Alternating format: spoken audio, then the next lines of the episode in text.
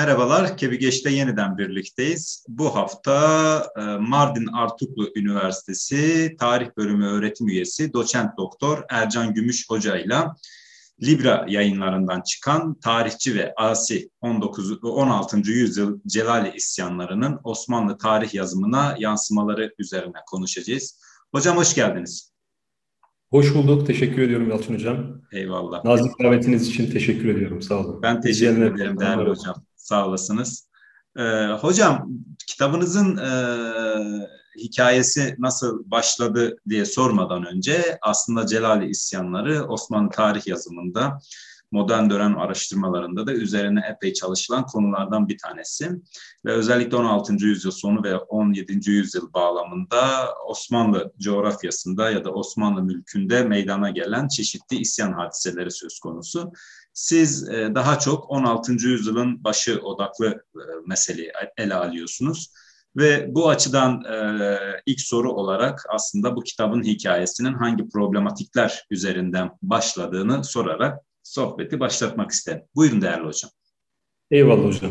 Ee, bu kitabın hikayesi esasında benim yüksek lisans çalışmama dayanıyor Yalçın Hocam.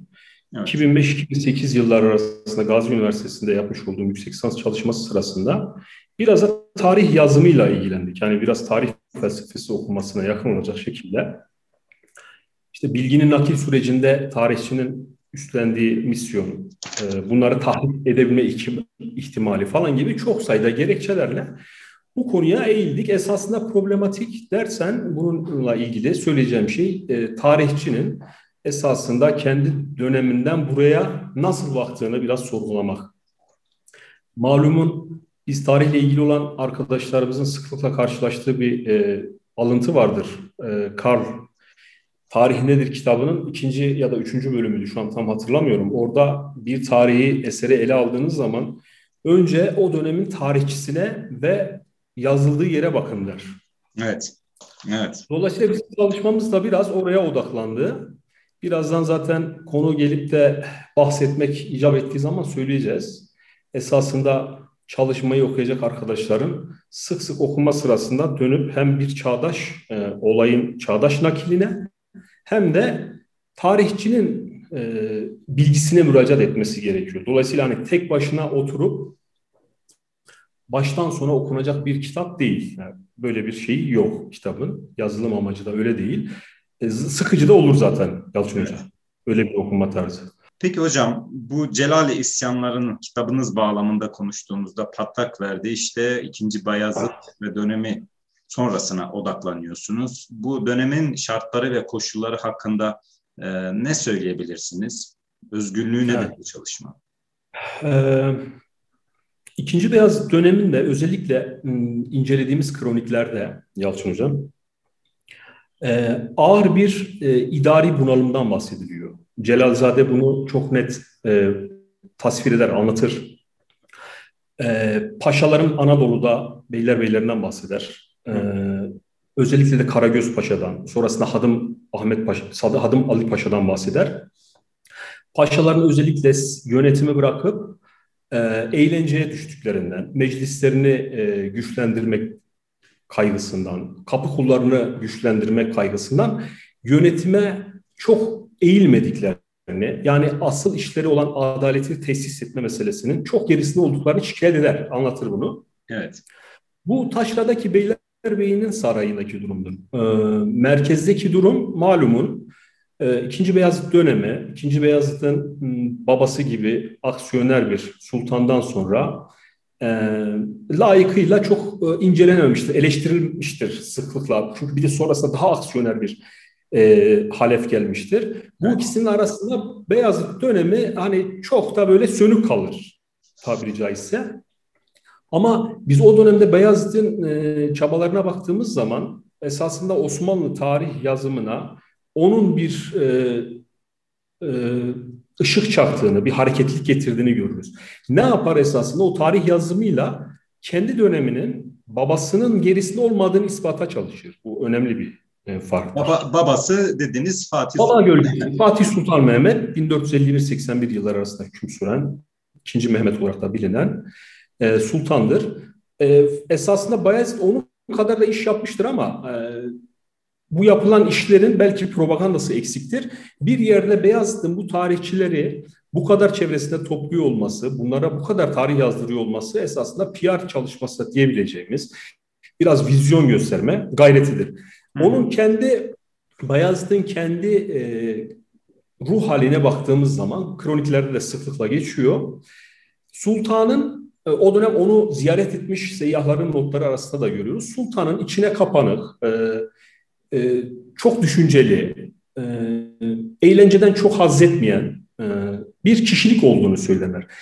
Malumun işte Beyazıt'ı Veli diye de zikredilir. Abi bu veli olma hali biraz da tarihçilerin yarattığı bir imaj olsa gerek. Çünkü gençlik döneminde çok da veliliğe yakın işler olmadığı, hatta işte babası Fatih'in onun Amasya sancağında bulunduğu sırada yanındaki Müeyyizade'yi öldürül, öldürülmesine dair bir emirle e, uyardığına dair veriler var. Bunlar e, tarihçilerin malum olan bilgilerdir.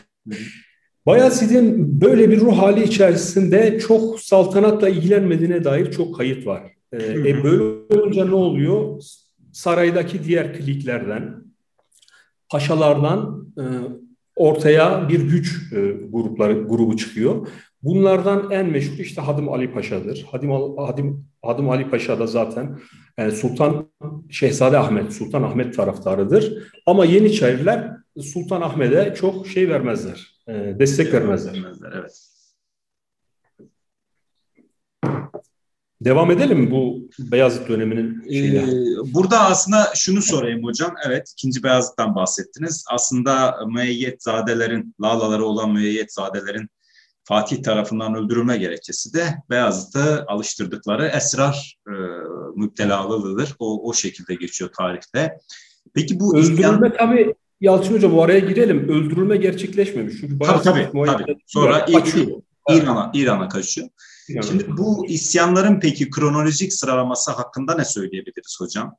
Eksik kaldığımız bir şey de olmasın. Kalenderilere değinmek lazım. Bu Beyazıt'ın, ikinci Beyazıt'ın esasında evet kalenderlere de çok düşman olmadığını biliyoruz ama kendisine karşı düzenlenen bir 1492 Arnavut seferine bir ışık adlı bir abbalın şeyinden bahsedilir, suikast girişiminden. Bunu da o Otman Baba ve tekkesine yani kalenderlere e, yazar. Kalenderlerde bu bağlamda işte Anadolu'ya sürülürler. Anadolu'ya sürülmeleri esasında Şah İsmail için de 1501'de tahta gelen Şah İsmail için de hazır bir ittifak gücü oluşturur. Ee, Anadolu'daki mevcut sosyolojik yapı da e, işte kalenderiliğin, Alevi Bektaşiliğin belki daha sonraki haliyle e, çekirdek yapısını oluşturan Türkmen aşiretler arasında yaygındır. Tabi bu Türkmen aşiretlerinin yanına Kürt aşiretleri de katmak gerekir. O dönem orada olan etnisitesini belki bilmediğimiz daha başka aşiretlerin de varlığı tartışılabilir, konuşulabilir. E, malumun o hani Türkmen, Türklük falan tartışmaları çok sonradan yapılıyor. Ama bu dönem için böyle kesin e, etnik temelli tanımlamalar çok sağlıklı değil ama değil. sosyolojik e, şey üzerinden bunların üretim ilişkileri üzerinden yaşam şekilleriyle ilgili belki bazı şeyler söylenebilir. Konar geçer olmaları önemli bir husustur. Konar göçer olan altyapı Yalçın Hocam e, isyanın temel zeminini oluşturuyor. Hı hı. Acizane benim söyleyeceğim belki şu olabilir. E, yerleşik kültürün bir uzantısı olan kitabı İslam ve belki de e, saray bunun en uzantılı hali, en işte örgütlenmiş yapısı olan devletin temsilcisi olan saray ile e, göçebe ve zaman zaman bu göçebeleri de güçlendirecek işte tımarlı sipahiler gibi ya da e, Dulkadir Türkmen aşiret aristokrasisi gibi kimselerin de e, küstürülüp bu yöne yönlendirilmesiyle daha çok çıkıyor. Dolayısıyla Şehzade e, Şehzadelerin Ahmet'in, e, Korkut'un ve Selim'in taht kavgalarının halkı bıktırmasını kronikler zikrediyor. Biz de karşıları okuyoruz bunları çağdaş okumalarımızda. İkincisi de mezhep olarak Anadolu'daki dini yapı göçerlik üzerinden e, kurulmuş sözlü İslam, sözlü kültürü e, buna bir zemin oluşturması. Buna da devletin özellikle de Yeniçeri e, ağlarının yönlendirmesiyle Selim'in daha sonra 1511 12 12'de tahta geçmesiyle e, şeyin paradigması değişir. Evet. Sultanın özellikle buraya yönelik paradigması değişir. Ee, siz aslında kitabınızda hocam bir e, kronik kronolojik akış içerisinde bu hadiselerden bahsediyorsunuz. Bu vesileyle evet. tekrar soracak olursam e, hep bile geldiğimiz 16. yüzyılın sonu ve 17. yüzyıl ekseninde ele alınan bu Celali isyanlarını aslında siz daha geriden çekerek getiriyorsunuz. Bunlara dair kronolojik bir sıralama yaparsak e, ve evet. bu hadiselerin hangisinden bahsedebiliriz peki? E, Yalçın Hocam ilk olarak e, 1511 Şahkulu isyanını ele almak gerekir. Şahkulu isyanının, Şahkulu'nun esasında babası Hasan Tekelü'nün, Hasan Tekelü'nün Şah İsmail'in göndermiş olduğu bir halife olduğu da e, rivayetler arasındadır. Şahkulu'nun Teke, ki Tekelü aşiretinin hemen hepsinin de Şii temayülünde olduğu söylenir. Tekelü aşiretiyle 1511 yılında Sultan öldü şayasıyla, yani Sultan'ın e, ölmesini bekleyen biraz da inancın temelinde şey var. Hani bu apokaliptik bir yaklaşım var. Yani e, kıyamet gelecek. Sultan evet. öldü, kıyamet gelecek. O zaman bu kıyameti kimin engelleyecek? Hasan e, halifenin oğlu Şahkulu, şeytan kulu diyor Osmanlı tarihçilerinden bazıları. Hepsi benzer ifadeleri kullanmıyor. 1511'de e, ayaklanıyor. Ayaklanmasına oradaki Tekeli aşiretiyle beraber halk katılıyor. Tabii bu e, Celazade'nin anlattığı Anadolu'daki Karagöz Paşa'nın sürdüğü e, zevkü sefa yönetimini de düşünün. Buraya doğru bir hareketleme var. Burada e, ilk çarpışma oluyor. E, buna Kütahya Savaşı diyebiliriz bu çatışmalara. Çatışmaların ilkine. Kütahya çatışmasında Karagöz Paşa e, öldürülür. Daha sonra ee, Şehzade Ahmet taraftarı olan Hadım Ali Paşa bu meselelerin üzerine gideceğini belirtir. Ee, Sultanı ikna eder. İkinci Bayezid'i. İkinci Bayezid de e, kendisine e, bir ordu verir. O bu orduyla Karaman iline geçer. E, kronikler bunları farklı yerler olarak anlatıyor. Kimisi Karaman vilayet ediyor, kimisi e, Kütahya diyor. Farklı yerlerden bahsediyorlar. Hasılı e, şey hmm, Sultan Ahmet ya da Şehzade Ahmet kroniklerde çünkü Sultan Ahmet diye geçiyor. Hiç sultan olamadı ama e, Şehzade Ahmet yanındaki e, orduyla e, şeyle buluşur. Hadım Ali Paşa ile buluşur. Hadım Ali Paşa fakat beklemez. Ee, özellikle burada bir e, harp tekniğinden bahsediyor kronikler. Hı hı. Ee, Şahkulu'nun bu ilk savaştan sonra ordunun zayıf olan, daha doğrusu tabilerinin zayıf olanlarını arkaya koyup güçlü olanları onların gerisinde tuttuğunu ve hı hı. Osmanlı askerlerini aldattığını söylüyor. Hı hı. İlginç olarak Hadım Ali Paşa bu zaferi kazanmak adına bunlara saldırıyor. Saldırınca e, şeyler e, galip geliyor. Şahkulu ve yandaşları hı hı. yani bu Alevi kitle, Bektaşi kitle galip geliyor Bektaşi demek çok doğru mu Yalçın Hocam bilmiyorum. Bektaşi daha sonraki bir kavram. Yani Bu aslında dönem... 1501'den itibaren ta, ki tabii bizim yaptığımız çalışmalarda daha öncesinde de bu tabirin kullanıldığını biliyoruz. Evet. Ee, 13 10, 13. yüzyıldan. 10, 10, Aslında... 15'ten 15'ten e, itibaren bu tabirin kullanıldığını biliyoruz. Peki hocam burada e, Şahkulu diyorsunuz, Bozoklu Celal diyorsunuz, efendime söyleyeyim işte Süklün Koca ve Baba Zünnün isyanları diyorsunuz. E, sonra Kalenderoğlu isyanları diyorsunuz ve bunları çalışmanızda ziyadesiyle teferruatlı bir şekilde işliyorsunuz. Peki ben buradan şunu sorsam yani siz netice itibariyle bunları ele alırken buna dair bir kronik, bir Osmanlı tarih yazımı e, e, işaret eden kronikler üzerinden e, değerlendirmelerde bulunuyorsunuz. Peki kaynaklar bütün bu e, hadiselere dair e, bize ne diyor? Nasıl bir değerlendirme yapıyorlar? Siz buna dair nasıl bir değerlendirme yaptınız? E, Yalçın Hocam İdris, İdrisi Bitlisi'nin bu anlamda ilk zikredilen isim olması gerekir. Çünkü birçoğu İdrisi Bitlisi'den alıyor. Özellikle biz de ben de onun Selim Şahnamesi'ne müracaat etmiştim. Ee, hash değişti. Tabii kullanmak isterdik ama hash değiş zannedersem buraya kadar getirmiyor meseleler. Yani hı hı. ikinci beyaz dönemiyle bitiriyor. Onun da çevirisi zaten yeni yapıldı malum işte. Sen sık sık konuk ediyorsun.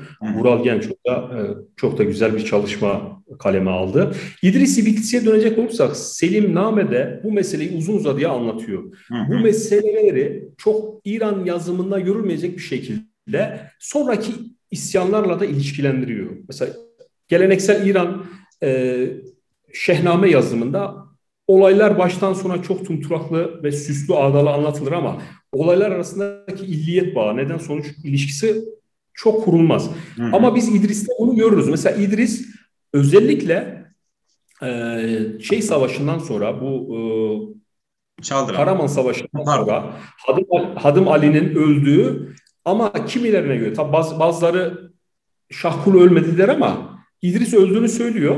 Bundan sonra yapılan tahkikata dikkat çeker. O tahkikat çok önemlidir. Bizim için belki hani anlat, naklindeki önemli husus odur. O sonraki Bozoklu Celal isyanının sebebidir. Orada yapılan tahkikatta yüksek oranda, yüksek sayılardaki insanların katledilmesi hadisesidir.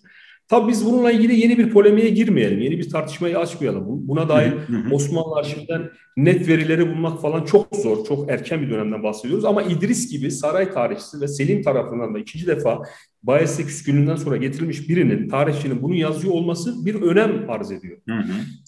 Rakam da veriyor. 40 bin civarında diyor. Hı hı. Ee, bu 40 bin rakama fakat Yalçın Hocam şey bir rakam. Hani e, Evet, böyle yani var işte büyüklüğü göstermek için, büyüklüğü göstermek için kullanılan işte bir şey, e, darbu mesel diyelim artık o dönem için kullanılan bir kavram. E, bunu İdris'ten söyleyebiliriz. Keza İdris'ten alan e, Hoca Saadettin bu hikayeye biraz daha farklı şeyler katar. Ama Kemal Paşazade bambaşka bir çizgide gider.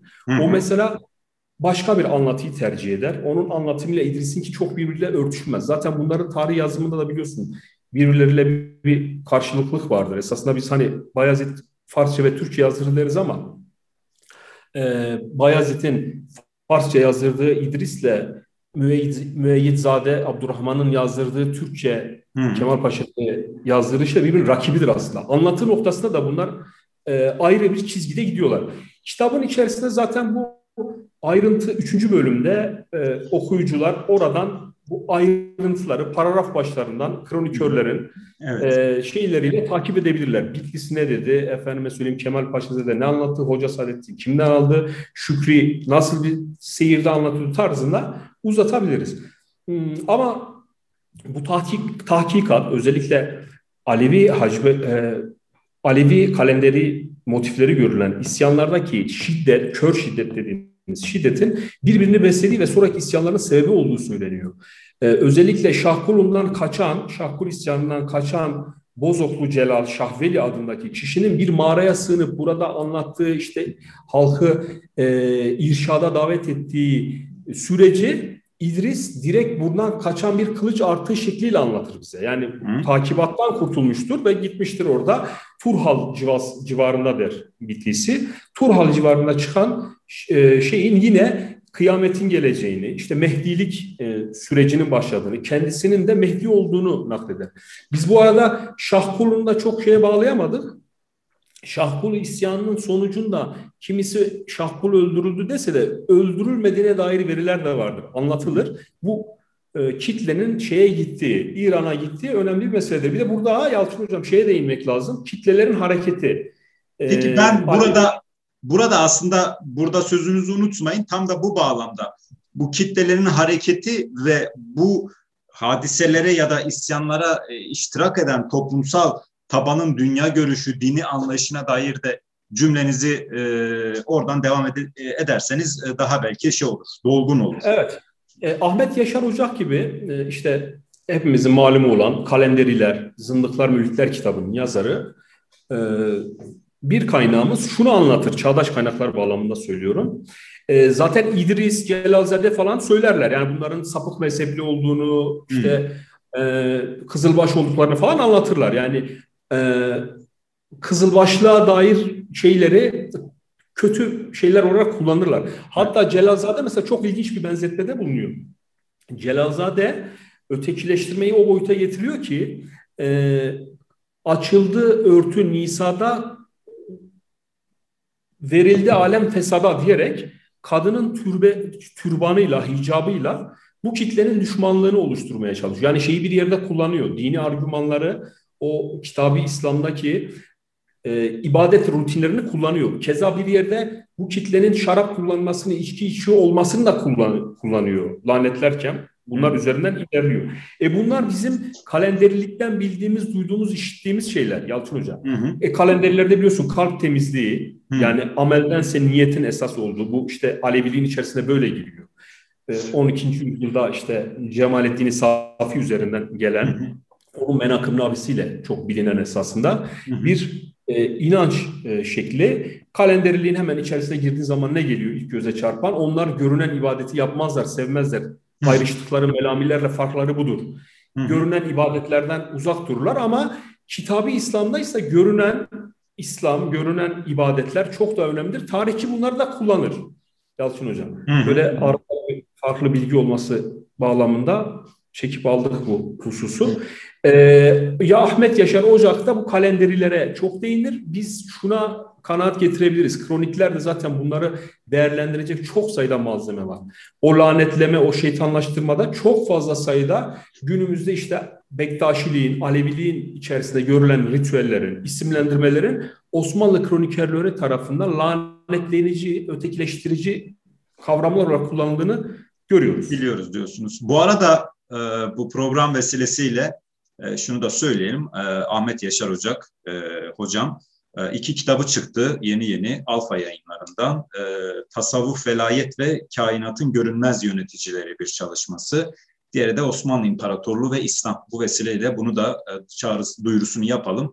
E, yeni çıktı bu çalışmalar e, ve bu hocanın aslında 10 e, yıllardır üzerinde eğildiği büyük bir birikimin de yansıması bu çalışmalar. Bunların da bu alana dair ciddi bir katkı sunduğunu ya da alan yaratacağını da düşünüyorum. Peki hocam buradan devam edersek bu bahsettiğiniz isyanların sonrakilerle bir farklılığı var mı? E, böyle bir şeyden bahsedebilir miyiz? Tabii ki Yalçın Hocam ilk dördü için ben kitapta beş e, ol, olayı aldım. Hı. Beş olayı o kronik üzerinden ele aldım. Evet. Bu beş isyanın ilk dördü tamamen kalenderi ve Alevi motifleri taşıyan isyanlardır. Tek tek sıralamaya gerek varsa Şahkulu, evet. Bozoklu Celal, Koca Baba Zünnün ve e, şeydir. Kalender Şah'tır. Kalender evet. Şah bambaşka zaten bir isyan. Yani isyanın artık uç boyutlarını gösterir. Kalender Şah'a değinmişken, sırası gelmişken hemen, hemen orada kitlesel e, nüfusu sağlayan bir diğer hususa değinmek lazım. Bu da Türkmen, özellikle Dulkadiroğulları Türkmenleridir. Biliyorsun Şah, e, Şah e, Yavuz Sultan Selim, Şah İsmail ile kavgası sonrasında dönerken Çaldıran'dan Dulkadiroğlu Beyliğine son verdi ve bu son verme hikayesini de Şehsuvar Bey'i üzerinden yaptı. Şehsuvaroğlu Ali Bey'i buraya oturttu. Burada bir tımarlı sipahi, eski düzen, hani Osmanlı'nın kendisinden önceki düzenleri biz devam ettirdiğini çok net biliyoruz e, Dulkadiroğlu Beyliği sürecinde devam eden tımarlı sipahiler vardı. Onların sipahileri açıkta kalınca bunlar da isyana askeri başka bir zümre olarak katıldı. Yani o gayrimemnunlar safına bir de onlar katıldı. Kalender Şah kitlesi de çok büyüktür. Çok büyük bir savaştır. Bu ilk dördünü daha Mehdici, daha şey sayabiliriz. Bunlara Mustafa Akta malumun Celal isyanı der. Evet. Bozoklu Celal'den mülhem Celaliler der. Fakat İkinci grubu da akta Büyük Celali kavgası der. Büyük Celali kavgasının ilkiyle farkı bizim bu ele aldığımız isyanlarla farkı ki beşincisi Kara Yazıcı isyanı Büyük Celali kavgasına girer. Büyük Celali kavgası sistemden pastadan pay alma kavgasıdır. Çünkü ayaklananlar bu sefer yine o gayrimemnun kitleleri kullanırlar. Onlar yine her zaman Anadolu'nun her yerinde var. Yani bu gayrimemnun kitle ya da işte kimisinin merkez bütünleme diye merkez ve e, çevre bütünleşmesi sağlanmadı diye anlattığı hikaye esasında halk halkın e, yaşadığı haldir. Devam etmiştir. 18. yüzyılda da 19. yüzyılda devam etmiştir. Yani o ulusal devletle falan çok çıkan bir husustur. Gönüllü vergi veren, sözleşmenin içerisine giren e, insanlar için kullanılacak bir şeydir. Bu dönem için çok yerinde bir tanımlama da değil. O Orhan Türk Doğan'dan falan kitapta şeyler yapmıştık, anlatılar yapmıştık. Ya da Şerif Mardin'den falan bu tür hususlara değinilmiş merkez çevre ilişkisine falan. Ee, dönüp tekrar sorunun e, başına gelecek olursak Yalçın Hoca, Kara Yazıcı isyanı 5. isyanımızda e, Gelali kavgası grubuna girer. Sistemden pay kapmak isteyen askeriler nedir? Sipahidir, sekbandır, onlar arasında yükselmiştir, bölükbaşı olmuştur, sancak beyi olmuştur, beyler beyi olmuştur. Mesela beyler beyi olanlara örnek verecek olursak Can Polatoğlu vardır mesela. Bunlar ama şunu söyleyebiliriz. Kalender Şah isyanından sonra ilk grubu tasfiye etmişlerdir. Bu Hı. sefer ikinci grup başlamıştır. Büyük Celali kavgası dediğimiz askeri olan Osmanlı askeri sınıfının temsil ettiği idareden pay kavga Kara yazıcının kardeşi e, Deli Hasan isyanı değil mi? Deli Hasan. Birebir buna uyar. Ama orada hanedan tale, talebi olmadığı söylenir Yalçın Hocam. Hı. İlk dördünde Osmanlı hanedanının aleyhindedir. Yeni bir yönetimden bahseder. Ama e, Selanik Mustafa Efendi bunun tersini söylüyor. Diyor ki Abdülhalim diyor hanedan kurmak istedi diyor. Bunu açık yazmıştır. Rolünde vardır. Fakat Deli Hasan, Abdülhalim biliyorsun işte öldürülüyor. Hı hı. E, belli bir hatta onun ölümü de çok enteresandır Yalçın Hoca. Öldüğü zaman cesedi bulunmasın diye yanındaki tabir falan gibi bir sürü eşkıya liderleri böler cesedi parçalar bulunup aşağılanmasın diye ayrı ayrı yere gömerler. Yani onu da bir mitolojik şeye getirirler. Hatırla işte buna benzer ne var yakınlarda? Önemli. Bu, kullanan Adolf Hitler vardı değil mi? Düşman elinde Rusların falan aşağılanmak için kendini yaktırmıştı. Yani bu aslında ee, Türkiye'nin yakın tarihinde de vardır. İşte Seyit Rızalar, efendime söyleyeyim, evet. e, Şıh Saidler, e, öyle değil mi? Yani e, Aynen öyle. Tabii biz Zülfiyar'e çok dokunamıyoruz Yalçın Hocam. Evet. Malumun uzaktan gösteriyoruz. Yani evet. yakınlıklar, benzerlikleri o e, dikotomiyi uzaktan göstermek evet. durumunda kalıyor. Siz Mustafa Akbey Akdağ deyince böyle bir uzandım geride. Türkiye'nin iktisadi ve içtimai tarihi kitabı elime geldi. Onun aslında Celal isyanlarına dair de teferruatlı, epey yol gösterici bir çalışması. Peki evet. hocam e, son olarak şunu sorayım size. Sizin bu çalışmanızı e, ele alan bir okur e, ya da alıp okuyacak okurlarınıza nasıl bir öneriniz var? Yani bu çalışmanın hangi usullere göre ya da hangi tekniklere göre okunmasını sağlık veriyorsunuz? Ee, Yalçın Hocam ben kitabı biraz ansiklopedik hazırlamış olduğumu anladım son zamanlarda. Ee, esasında ben hatta hocam çok da takılırdı bana. Ya derdi Ercan sen bu işe girdin hani hepsini anlatmaya çalışıyorsun falan. Hocanın yönlendirmesiyle sınırlandırdık sınırlandırdık Anadolu yaptık. İşte bunu beş isyan olarak olgusal beş örnek olarak ele aldık. Ee, biraz ansiklopedik oldu. Kaynaklar üzerinden de ansiklopedik oldu. 10 tane kaynak. Kimisi kimi olaydan bahsetmiş, kimisi bahsetmemiş gibi bir dağınıklık da var. Ben okuyucuya, okuyucuya acizane şunu öneririm. Ee, öncelikle kitabı üç ayrı bölüm olarak düşünmeli. Sırayla okunacak bölümler, birbiriyle ilişkili bölümler olarak düşünmemeli. Ee, çağdaş kaynaklarda biraz zayıftır o kısmı da söylüyorum. Çünkü bu kitabı ben 2008 yılında yazdım. Bu kadar çok yayın yoktu o zaman bu konuya dair.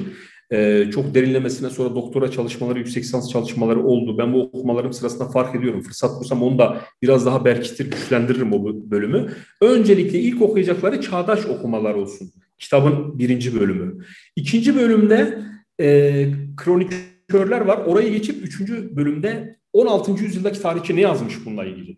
Çağdaşla bir 16. yüzyılı mukayese etsinler. Sonra orada kronikörün vermiş olduğu bilgiyi de ikinci bölüme dönüp kronikörün kronikörün olduğu onunla ilgili bilgileri okumak suretiyle e, üç farklı alan okumasıyla götürsün diye öneririm acizane. Hocam Sesle... siz 2008 dediniz ama kitabınız Libra'dan 2018 yılında birinci baskısını evet, yapmış. 2000, 2010'da şey 19'da yeni okumalar e, hani bir düzeltme tasih tarzında şey yaptık. Yoksa yeni bir eklemede maalesef bulunamadık.